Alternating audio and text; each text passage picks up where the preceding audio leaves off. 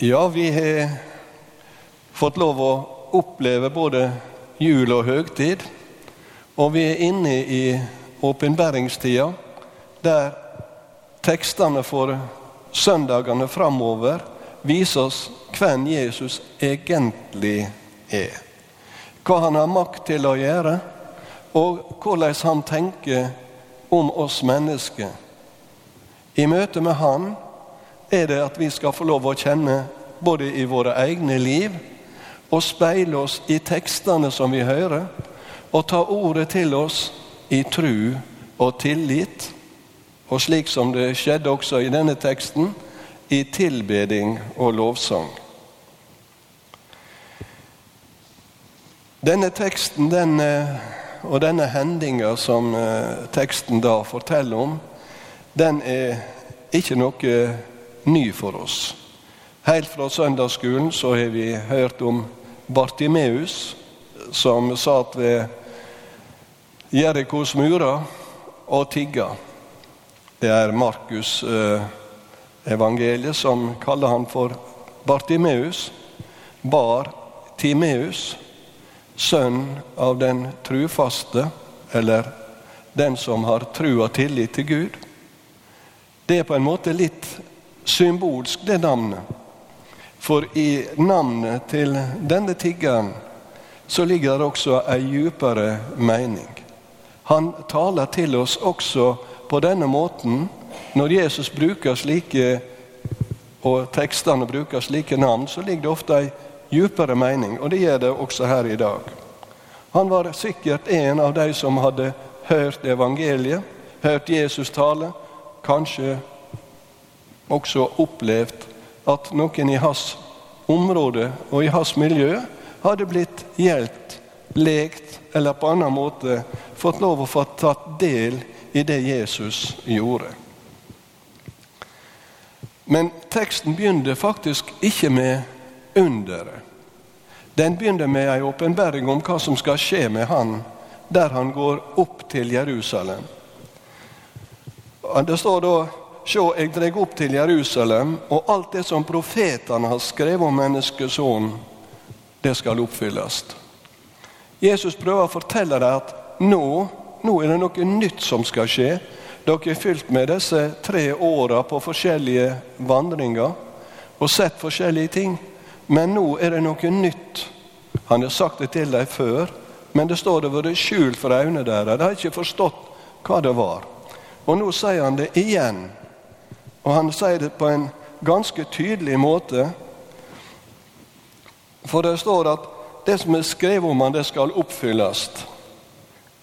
Han skal gjeves over til heidningene og bli spotta og mishandla, spytta på, og de skal piske han og slå han i hjel. Men tredje dagen skal han stå opp igjen fra de døde. Hvis at de hadde nå forstått hvem Jesus egentlig var, og det burde de ha gjort Peter hadde jo sagt du er Messias, den levende Guds sønn. De visste at han var kommet ned fra Gud for å være der for israelsfolket. Og også så vidt vi kan skjønne at de begynner å forstå at det skal være for andre folkeslag. Jesus hadde en oppgave som på en måte de var ikke helt sikre. Det er tydelig at eh, når vi leser videre i tekstene her, og i andre ting som skjer med disiplene, så var de på en måte både og. Ja takk, både og. Han var Messias konge. Han var arvtakeren etter David. Han skulle gjøre Israel igjen stort. Det tror jeg også disiplene, de som var nærest Jesus, hadde en formening om. Men når Jesus begynner å fortelle at nei, han skal lide og dø, da på en måte drar de på en måte teppet ned.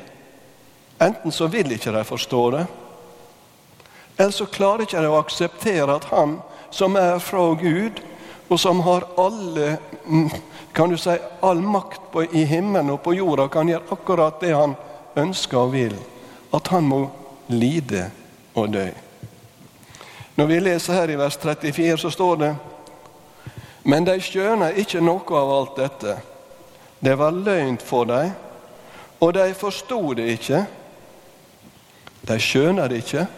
Det var skjult for dem, eller løgn for dem, og de skjønner det ikke. Med tre forskjellige uttrykk så står det Lukas han sier det. De forsto ikke hva det var egentlig Jesus hadde sagt til dem. De fornekter det inni seg.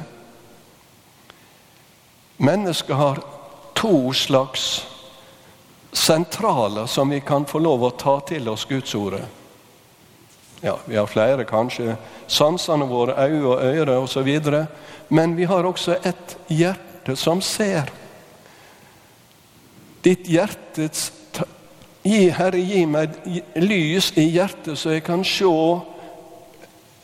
verdiene eller sanningene i ditt ord, står det i en av salmene. Litt fritt for eh, eh, uttalt. Men Gud lar oss få lov til å se og høre, og så ta til oss i hjertet. Det var ikke nok at de hørte det og fikk det med seg oppi her med tanken. Men de hadde ikke grepet det i sitt hjerte. Det var skjult for dem, står det. Det var løgnt. Og slik kan det også være mange ganger for oss. Vi hører Guds ordet. Det er fint. Jesus gjorde så masse flott. Og vi kan på en måte være takknemlige. Men av og til så føler vi det er noe som jeg ikke helt ut kan klare å gripe. Det er noe som jeg ikke klarer helt å holde fast på. Kanskje er det tvilende tanker som sniker seg inn. I dag så hører vi om helbredelse av en sjuk, av en blind. Vi har også bedt for sjuke. Kanskje du har bedt for noen av dine. Og så skjer det ikke noe. Og så kommer disse tankene inn i våre hjerter. Det er kanskje ikke så sikkert at Gud lar oss få lov å oppleve det samme som disiplene. Da de var sammen med Jesus, så sa han, og det skjedde. Kanskje sånne tanker kan også gripe oss. Det er ikke bare disiplene som hadde et hjerte som var i tvil og med et dekke. Men vi kan også komme inn i skyggeland der vi kjenner på tvil og anfekting. Men Gud vil at vi skal få lov til å gripe det. Gud vil at vi skal få lov å eie den vissa som bare den har som har fått lov å gripe trua i sitt hjerte. I går så var jeg på konfirmantsamling borte på Ikornes. Eh, det var en kjempeflott samling. Over 60 konfirmanter var samla der. Jeg ser noen av dere er her i dag. Koselig å se dere igjen. Og Da snakket vi om forskjellige ting. Både om at Gud har skapt alt, og snakket om både det gode og det vonde i verden. Det er ikke alltid lett å forstå. Men i den lille gruppa som jeg var i til slutt, der fikk jeg lov til å fortelle at da jeg var på deres alder, så fikk jeg plutselig en gang gripe hva det var å kjenne Jesus. Det gikk fra tanken Jeg hadde gått på søndagsskolen og lært mye der, og i skolen som vi hadde i den tida, så lærte jeg jo veldig mye om Bibelen og Guds ord og Guds vilje med oss. Men så fikk jeg møte Jesus og få lov å gripe det i tru og tillit. Jeg har vært inne i perioder det ikke har vært like enkelt. Men samtidig så hadde jeg et fundament å stå på. Det ga meg retning i livet. Det ga meg vilje til å gå der Jesus sa jeg skulle gå. Og når han kalte meg til tjeneste, så var jeg villig til å gå inn i den. Det å få lov til å gripe trua, gripe evangeliet i tru på denne måten, slik at det bygger seg opp som en tillit i hjertet, en takk og en lovsang, slik som vi møter det med denne sjuke, denne blinde. Vi kjenner ropet hans. Kyrie eleison. Herre, forbarm deg over meg. Han var sjuk, han var blind. Vi har andre ting som vi sliter med, kanskje, men ropet til Jesus det ble besvart. Hva vil du jeg skal gjøre for deg? Det er teksten vår i dag som taler dette. Det er ikke presten som sier det. Men han er her og taler til oss, hver enkelt. Teksten er ikke en død tekst der ved Jerikos murer som smuldrer opp og blir til støv. Men han er en tekst, en levende tekst inn i vårt liv, inn i vår tid, der vi lever nå og lever og rører oss og er til. Og det er Jesus som møter oss nettopp gjennom denne teksten i dag. Og han sier til oss, like som han sa den gangen, hva vil du at jeg skal gjøre for deg? Jesus var villig til å gå den veien som Gud hadde peka ut for ham. Han visste at eh, veien gikk om korset. Veien gikk om Golgata. Når det, vi hørte her, så visste Jesus det.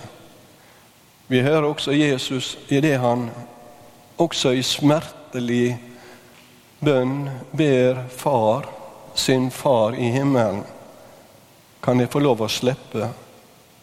Men Gud leder han videre. Han lar gudsviljen skje og farsviljen skjer i hans liv. For at jeg og du skal få lov å kjenne gudsviljen i våre liv. Det at vi skal få lov å være barn av Han og eie den tryggheten og den freden som bare Han kan gi oss. Han skulle bli overgitt til straff og soning. Vi kjenner til det som profeten Jesaja sier om den lidende tjeneren i kapittel 52 og 53 i Jesaja-boka. Jeg bare siterer et par vers der. Sannelig, våre sykdommer tok han, våre smerter bar han. Vi tenkte at han var ramma, slått av Gud og plaga. Men han ble såra for våre brudd knust for våre synder. Straffa lå på han, og vi fikk fred. Og ved hans sår er vi lekte. Vårt hjertes sykdom, eller det fysiske smerte Han er villig og har makt til å være med oss i alle de forskjellige situasjonene for å gi oss det han veit vi trenger, og det han ser vil gagne oss i tida som kommer. Derfor har jeg lyst til å avslutte denne preika med en kjent salme, eller en sang. O Jesus, åpne du mitt øye, så jeg kan se hvor rik jeg er. Jeg har en Fader i det høye, som Fader omhu for meg bær. Som Fader omhu for meg bær. Jeg har en bror som ved Guds side vet om min sak og ber for meg. Jeg har en nådestrøm så vide, som himmelens hvelving strekker seg. Jeg har en talsmann tro i nøden, en trøster og en hjelper god. Jeg har et evig liv i døden. En evig fred i Jesu blod. Så enten vi da får del i kan du si, den fysiske velsignelsen, eller vi får del i Guds rike velsignelsen, at vårt hjerte blir rensa, og at vi har ei åpen dør inn til Guds trone. Det er dette Jesus vil vi skal eie, og det er dette han også peker på i dag. For blinde Bartimeus, for han ble det dobbel velsignelse. Hva vil du jeg skal gjøre for deg? At jeg må bli sjående. Og Jesus svarer, du skal bli frisk. Og han ble frisk. Men han ga noe mer. For han sa, for trua di har frelst deg. I boka til Asbjørn Aavik står det om han som ba da han var i Kina som misjonær. Han ba igjen og igjen. Og så sier han, 'Jeg ba om sølv, men Gud ga meg gull.' 'Jeg ba om å bli frisk, men jeg fikk lov å få del i evangeliet og ble frelst.' Det er det største Gud gir oss.